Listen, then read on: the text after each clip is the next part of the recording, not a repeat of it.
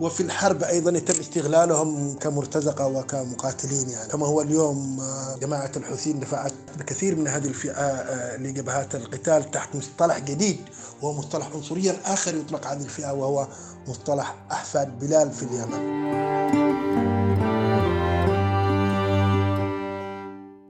هذا صوت السيد نعمان الحذيفي وهو رئيس الاتحاد الوطني للمهمشين في اليمن يحدثنا عن مأساة هذه الفئة. وهذا المصطلح ينتزع من هذه الفئة من هذه الشريحة يمنيتها و يدفع بها قصرا لطالما تحدثنا في جلساتنا الجانبية بين بعضنا عن الظلم الواقع على البشرية بعض هذه البشرية. وشغلنا كيف توزع الثروات وكيف يعيش الفقير أو معدوم الحال في هذا العالم. بكينا مرات لحال أحدهم أو لحال طفل يعمل في ظروف صعبة. وتمنينا لو ملكنا عصا سحرية أو مصباح علاء الدين السحري لنسعى بحركة ما لنغير هذا الواقع المرير. لكن ماذا لو كان هذا حال مجموعة سكنية أو كتلة بشرية بكاملها وصمت أو ارتهنت لتعيش أصلف أنواع العذابات من فقر وضيق حال وقلة حيلة؟ ليس فقط بسبب الفقر وإنما لأسباب سياسية اجتماعية اقتصادية ولها علاقة بالهوية. دعونا نكون أكثر صراحة. لها علاقة باللون لون البشرة. أنا لا أتحدث هنا عن فيلم سينمائي ولا عن بلاد الغرب والتمييز الذي نسمع به على أساس لون البشرة. أنا أتحدث هنا عن المهمشين في اليمن أو الأخدام. كما درج المجتمع اليمني على تسميتهم. المهمشون هم فئة من المجتمع اليمني تتعرض منذ عقود لتمييز وعنصرية ممنهجين على أساس اللون والعرق إذ يعاملون كمواطنين من الدرجة الثانية.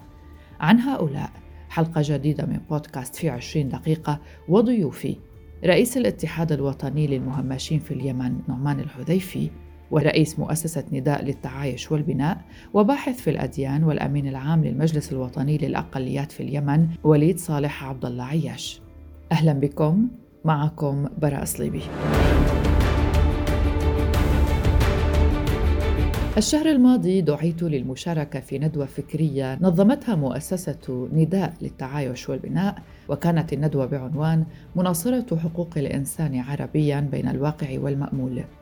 كان من بين من أدلى بمداخلته السيد نعمان الحذيفي والذي تحدث بحرقة عن جماعته المهمشين.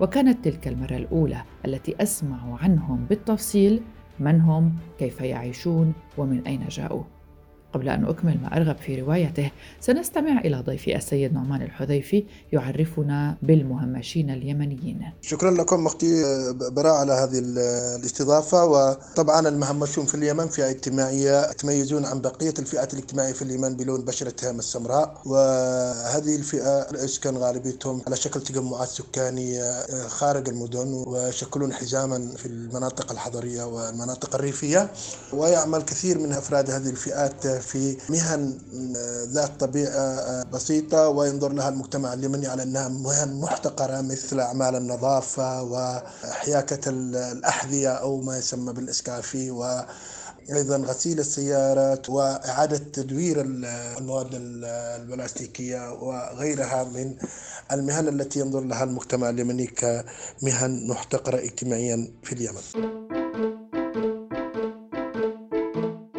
سألت ضيفي. هل توجد إحصائية رسمية متاحة لتعداد المهمشين في اليمن؟ وما هي نسبتهم هناك أسوة ببقية السكان من المجتمعات الأخرى التي تشكل المجتمع اليمني؟ هناك إحصائيات رسمية متاحة لدى آه، عن فئة المهمشين في اليمن آه، هذه الإحصائيات وفق آخر إحصاء أو تعداد سكاني للجمهورية اليمنية عام 2004 تبين أن نسبة المهمشين أو ما يطلق عليهم في المجتمع اليمني آه، مصطلح أخدام يبلغ تعدادهم وفقا لهذه الإحصائيات الرسمية حوالي 12% من سكان اليمن يعني 3 مليون و500 أي ما يعادل 12% من إجمالي سكان اليمن البالغ على تعدادهم حين ذاك 25 مليون. أيضا هناك إحصائيات قامت بها بعض المنظمات التابعة للأمم المتحدة مثل منظمات اليونسف منظمات كثير من المنظمات خلال السنوات الحرب ويصل حاليا تعدادهم حوالي 13 إلى 14% من سكان اليمن يعني في حدود 4 مليون ونصف المليون.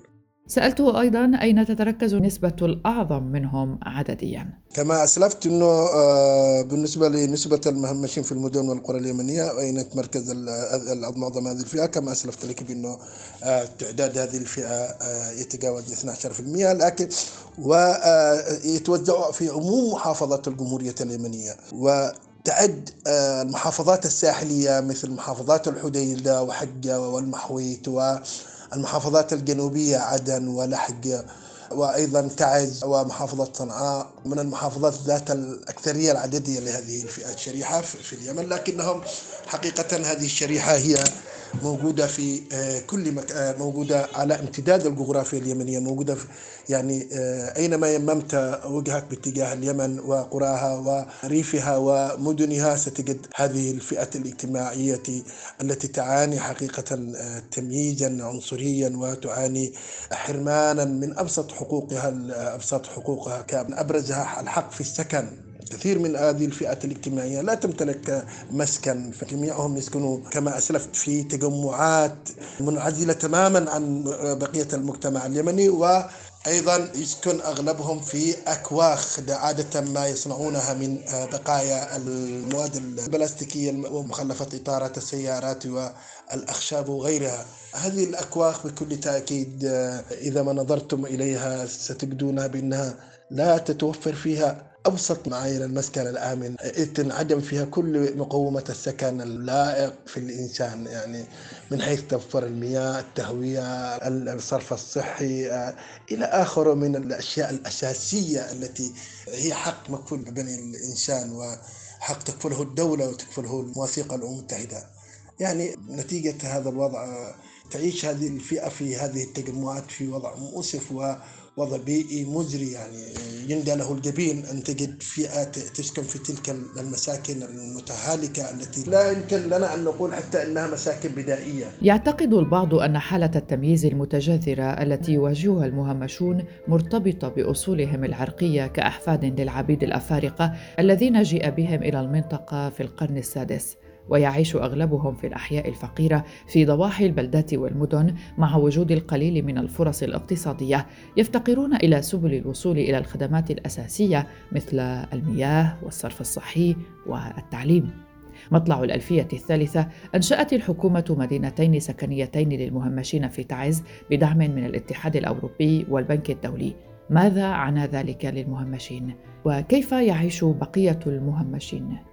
سألت ضيفي السيد نعمان. الثالثة أنشأت الحكومة اليمنية مدينتين سكنيتين للمهمشين في تعز من دعم من الاتحاد الأوروبي وهي مدينة الأمل في سوق الجملة وهذه أشرفت عليها منظمة الدية الفرنسية حينها ومدينة الوفاء السكنية أيضا في منطقة البعرارة يقولها. وهذه المدينة طبعا بدعم كامل وبتمويل كامل وبإشراف أيضا من البنك الدولي. المدينة الأولى فيها أكثر من 96 أسرة وأي ما يعادل أكثر من ألف نسمة. المدينة الثانية 2500 يعني 250 أسرة في مدينة الوفاء وتجاوز عدهم ال 2500 نسمة. هذه المدينتين في محافظة تعز أيضا أنشأ البنك الدولي مدينة ثالثة وهي مدينة سعوان السكنية في العاصمة صنعاء. وهذه المدينة أكبر بكثير من المدن في تعز كانت بداية الخطوات لتحسين أوضاع هذه الفئة كان البنك الدولي والمنظمات الدولية سواء في الاتحاد الأوروبي وكثير من المنظمات بدأت قبل أن تتحول اليمن وتدخل اليمن في أزمات الحرب وأحداث 2011 كنا سعينا بطريقة أو بأخرى أن نعمل على حل هذه المشكلة ولمشكلة السكن بالنسبة لهذه الفئة. ما زال هناك كثير من هذه الفئة كما قلت لكم يسكنون في مساكن لا تليق بهم ونحث المنظمات الدولية ونتمنى بل نأمل أن بعد أن تضع الحرب أوزارها في اليمن نتمنى أن تعاد هذه التجربة وأن يتم إعادة بناء مدن سكنية لهذه الفئة في كثير محافظة اليمن إذ ما زالت الحاجة ماسة لبناء مدن يعني 4 مليون أي أكثر من 500 ألف نسمة يعيشون في العراء نتمنى أن تضع الحرب أوزارها في اليمن وأن نبدأ وأن نستكمل ما بدأناه في توفير السكن لهذه الفئة الاجتماعية في اليمن. عاش المهمشون باحثين عن موطئ قدم داخل نطاق المدن وكلما زاد عدد الشوارع تزايد تدفقهم إلى المدن كعمال في المهن التي يانف عن شغلها المنحدرون من عائلات فقيرة. وعلى إثر تزايد أعدادهم في المدن استحدثوا أكواخهم على أطرافها مشكلين تجمعات عشوائية تسمى محليا بالمحاوي ويتكون المحوى من عشرات الأكواخ ويمكن أن يصل إلى المئات منها. وهي مبنية من الكرتون المقوى وصفائح الزنك وقطع الأخشاب الصغيرة. أما مساحة المحوى فلا تزيد عن ستة إلى تسعة أمتار مربعة وهو غالبا لا يتضمن دورات مياه ملحقة به أو خارجه. سألت ضيفي السيد نعمان ماذا ينقص المهمشين في اليمن؟ كما أسلفت لكم أختي براء أنه ينقص المهمشين في اليمن الكثير من الحقوق. يعني هذه الفئة محرومة تماما من كل حقوق الإنسان يعني من كل الحقوق المواطنة في الحقوق الطبيعية للإنسان الحق في الحق السكن وحق التعليم وحق الصحة وحق الخدمات والرعاية الاجتماعية حق التأمين الصحي. حق الحصول على فرص العمل حق التدريب والتأهيل حق التعليم والالتحاق في التعليم الجامعي. إذ إن كل هذه هذا ما ينقص هذه الفئة لأنها تعيش آه، في وضع آه، شديد التعقيد بسبب نظرة المجتمع لها آه، يمارس هذه الفئة اجتماعيا وحتى على مستوى الأنظمة السياسية يمارس ضد هذه الفئة تمييزا عنصريا بكل ما تعنيه الكلمة من فصل عنصري وتمييز عنصري. يعني هذه الفئة محرومة من كل حقوق ومزايا المواطنة. آه، محرومة أيضا من حق المشاركة في التنمية الاقتصادية والمشاركة في الحياة المدنية والثقافية والسياسية. لا يوجد لهذه الفئة ممثلين في البرلمان لا يوجد لهذه الفئة ممثلين في كافة مؤسسات الدولة.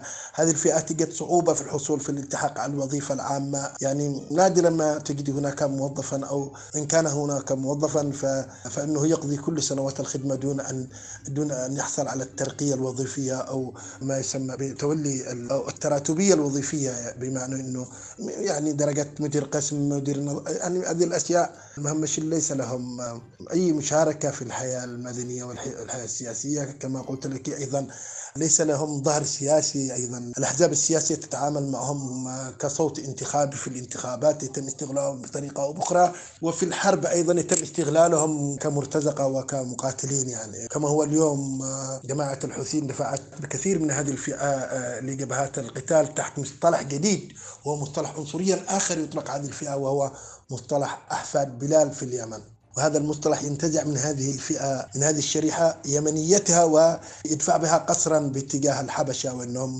مواطني أثيوبيا أو هو الحبشة.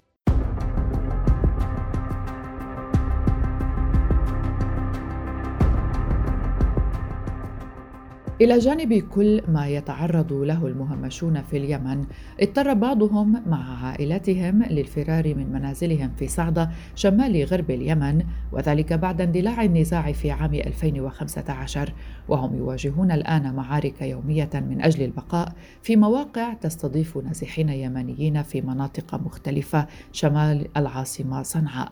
ما الذي يحاول ناشطو اليمن تقديمه لهذه الفئة؟ سألت ضيفي. في كل تأكيد استطعنا بطريقة أو بأخرى أن ننشئ لهذه الفئة كثير من الجمعيات. تمثلهم لدينا أكثر من جمعية. لدينا الاتحاد الوطني للمهمشين في اليمن. أنا رئيسه. وأيضا نحن الآن سعينا إلى أن نخلق توليفة وطنية عبر تشكيل المجلس الوطني للأقليات في اليمن. وهذا المجلس يضم المهمشين والطائفة المسيحية واليهودية والبهائية. يعني نتمنى لهذا المجلس أن يشكل رافعة حقوقية وتنموية لهذه الفئة وبقيها من الفئات الاجتماعية الأخرى.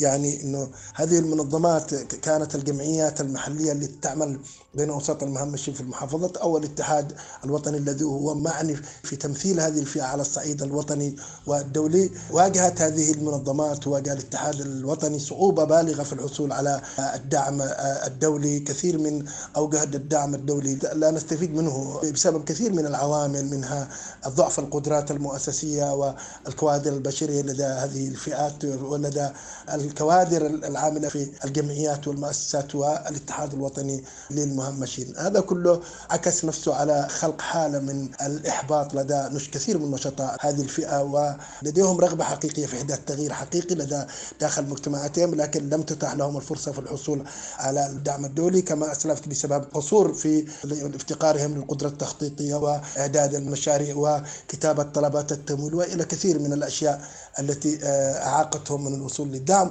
وهذا عكس نفسه على أن كثير من هذه الجمعيات تولد ميتة منذ البداية. لكننا نسعى بطريقة أو بأخرى أن نحصل على دعم نسعى لأن نقف على أقدامنا نسعى لأن نرفع صوتنا عاليا لدى كثير من المؤسسات عبر كثير من وسائل الإعلام.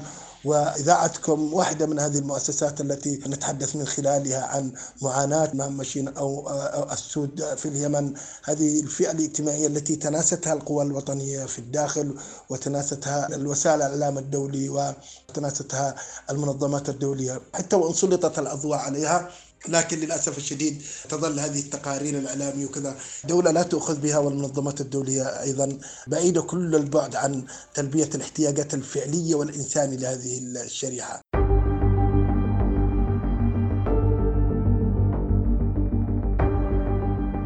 أجبرت ست سنوات من الصراع ما يقرب من أربعة ملايين يمني على الفرار إلى أماكن أخرى في البلاد بحثا عن الأمان. وتشكل النساء والأطفال الغالبية العظمى منهم أي ما يعادل 76% في عام 2020 وحده كان هناك حوالي 172 ألف شخصا من النازحين حديثا في البلاد مما جعل اليمن رابع بلد من حيث عدد النازحين داخليا على مستوى العالم. في معرض حديثه ذكر السيد نعمان أقليات أخرى تعيش معاناتها المختلفة. وعليه كان لنا وقفة مع ضيفنا الثاني في حلقة اليوم رئيس مؤسسة نداء للتعايش والبناء وباحث في الأديان والأمين العام للمجلس الوطني للأقليات في اليمن وليد صالح عبد الله عياش أشكرك أخت براء صليبي وأشكر أيضا إذاعتكم إذاعة الآن على هذه الفرصة وإتاحة المجال أن نتحدث. سواء عن الأقليات بشكل عام في اليمن سواء الأقليات الدينية والأقليات العرقية المهمشين ذوي البشرة السمراء وعن ما يعانوه. وقد تفضل أخي نعمان وتحدث عن معاناة المهمشين وهي معاناة مؤسفة ومعاناة طويلة لهذه الفئة المجتمعية التي تمثل ما يقارب 15% من المجتمع اليمني. يعانون من الازدراء ويعانون من عدم الاحترام لحقهم في العيش كمواطنين لهم كامل الحقوق. يعيشوا في أماكن معزولة في كثير من المحافظات ويعيشوا بعيد عن الاندماج المجتمعي. هناك من يتحدث ويقول أنهم يتحملوا مسؤولية ولكن أيضا المجتمع بشكل عام يتحمل أيضا مسؤولية وكذلك الدولة تتحمل مسؤولية. وبالنسبة لبقية الأقليات سواء كانت الأقليات الدينية مسيحيين أو يهود أو البهائيين الذي أنا أنتمي إلى الطائفة البهائية. نحن كاقليات دينيه كذلك عانينا خصوصا في المرحلة التي وصلت فيها الجماعة المتطرفة وعلى رأسها جماعة الحوثي، جماعة الحوثي التي تعاملت معنا كبهائيين باضطهاد ممنهج. قامت باعتقال البهائيين وباعتقال المسيحيين وكذلك اعتقال اليهود بشكل منهجي هي تنظر إلى من يختلف معها في المعتقد بأنه خطر عليها. وهي تدعي أنها مسيرة قرآنية لكن حقيقة هي لا تؤمن بالقرآن الذي يقول الله سبحانه وتعالى فيه لا إكراه في الدين ويقول فيه وقل الحق من ربكم فمن شاء فليؤمن ومن شاء فليكفر. القرآن يؤسس مبدأ التعايش والقبول بالآخر على أساس قوله تعالى لا ينهاكم الله عن الذين لم يقاتلكم في الدين ولم يخرجوكم من دياركم. وعلى مبدأ قوله تعالى قل كل يعمل على شاكلته فربكم أعلم بمن هو أهدى سبيلا. ودعيني أختي براء أن ألقي الضوء على وضع الأقليات الدينية في ظل سيطرة الحوثي وأيضا في ظل الانفلات الأمني. وضعها يعني مؤسف جدا للغاية. اولا لا يوجد دستور ولا قانون يكفل حق هذه الأقليات وهم مواطنون يمنيون أصيلون. المسيحيون موجودون في كل المحافظات اليمنية وكذلك البهائيون. هذه الأقليات الدينية تعاني مثلها مثل المهمشين ومثل المولدين من الانتقاص من حقوقهم حق المواطنة المتساوية حق العيش المشترك. من خلال المجلس نسعى للمطالبة بهذه الحقوق وبإذن الله سننالها لأنه ما ضاع حق بعده مطالب. المجتمع اليمني هو مجتمع يقبل التعايش مع المختلف في الدين. المجتمع اليمني مجتمع راقي مجتمع يمتلك من العمق الحضاري والتاريخي. ولذلك هناك حركات في المجتمع اليمني الأقيال والكثير من الفئات المجتمعية وأيضا من الأحزاب وعلى رأسها المؤتمر الشعبي العام يقبل العيش والتعايش مع المختلف في الدين وفي المعتقد وكانت يعني وضع الأقليات في الفترة الماضية أفضل من الوضع الآن. لكننا نطالب بتأسيس وتثبيت ذلك الحق دستوريا وقانونيا. ونتمنى في المرحلة القادمة وخصوصا بعد إعلان المجلس الرئاسي الجديد أن ينظر إلى هذه الأقليات بنظرة الإنصاف. من المؤسف أن وزارة الشؤون الاجتماعية لم توافق أو لم تمنح المجلس الوطني الترخيص رغم أننا أشهرنا المجلس الوطني للأقليات بموجب القانون بعد أن مضى ثلاثة أشهر وهو في القانون شهر واحد بعد أن تتقدم بطلب تأسيس منظمة مجتمعية. مضت المدة القانونية فأشهرنا المجلس الوطني للأقليات.